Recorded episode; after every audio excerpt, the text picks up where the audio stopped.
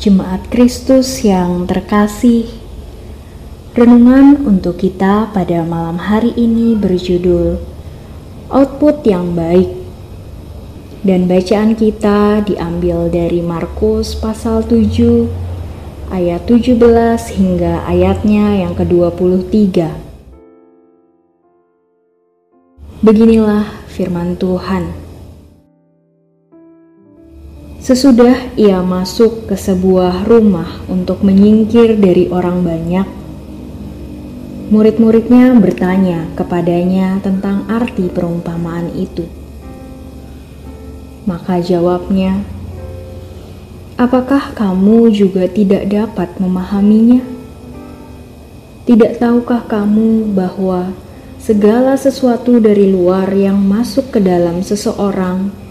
Tidak dapat menajiskannya, karena bukan masuk ke dalam hati, tetapi ke dalam perutnya, lalu dibuang di jamban. Dengan demikian, ia menyatakan semua makanan halal. Katanya lagi, apa yang keluar dari seseorang, itulah yang menajiskannya sebab dari dalam, dari hati orang, timbul segala pikiran jahat, percabulan, pencurian, pembunuhan, perzinahan, keserakahan, kejahatan, kelicikan, hawa nafsu, iri hati, hujat, kesombongan, kebebalan semua hal-hal jahat ini timbul dari dalam dan menajiskan orang. Seperti yang kita ketahui, bahwa kem pelatihan biasanya akan dilaksanakan dalam proses yang tertutup dan disertai dengan proses karantina. Hal ini diperlukan agar segala sesuatu yang dipersiapkan berjalan dengan baik dan menghasilkan output yang terbaik pula. Dengan proses yang terpusat seperti itu, diharapkan setiap peserta memiliki standar yang sama dan tidak mudah goyah saat diperhadapkan pada tantangan di luar.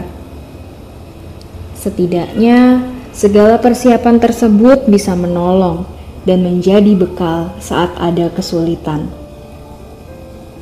Dari hal ini, kita dapat belajar bahwa yang paling penting dalam menghadapi sesuatu adalah kesiapan diri kita sendiri. Kita tidak akan bisa mengatur sekitar kita akan seperti apa nanti jadinya, dan kita pun tak memiliki kekuatan yang cukup untuk menghalau semuanya agar tetap terkendali. Gambaran ini dapat kita pakai dalam merenungkan firman Tuhan yang kita baca dan dengar saat ini.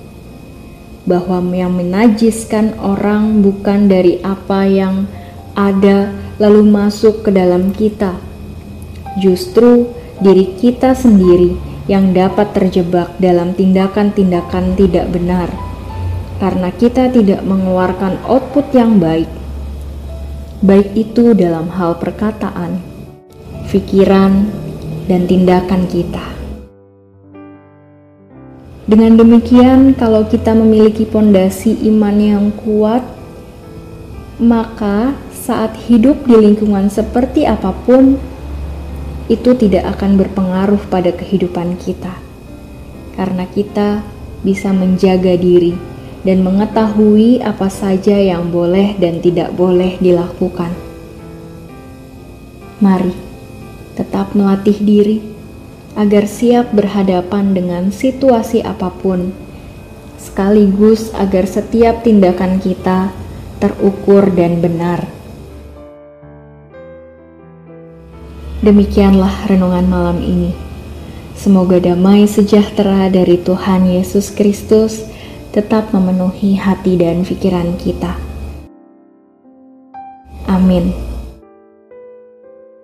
Jemaat yang terkasih, mari kita bersatu hati untuk menaikkan pokok-pokok doa yang ada dalam gerakan doa 21 GKI Sarwa Indah. Mari kita berdoa.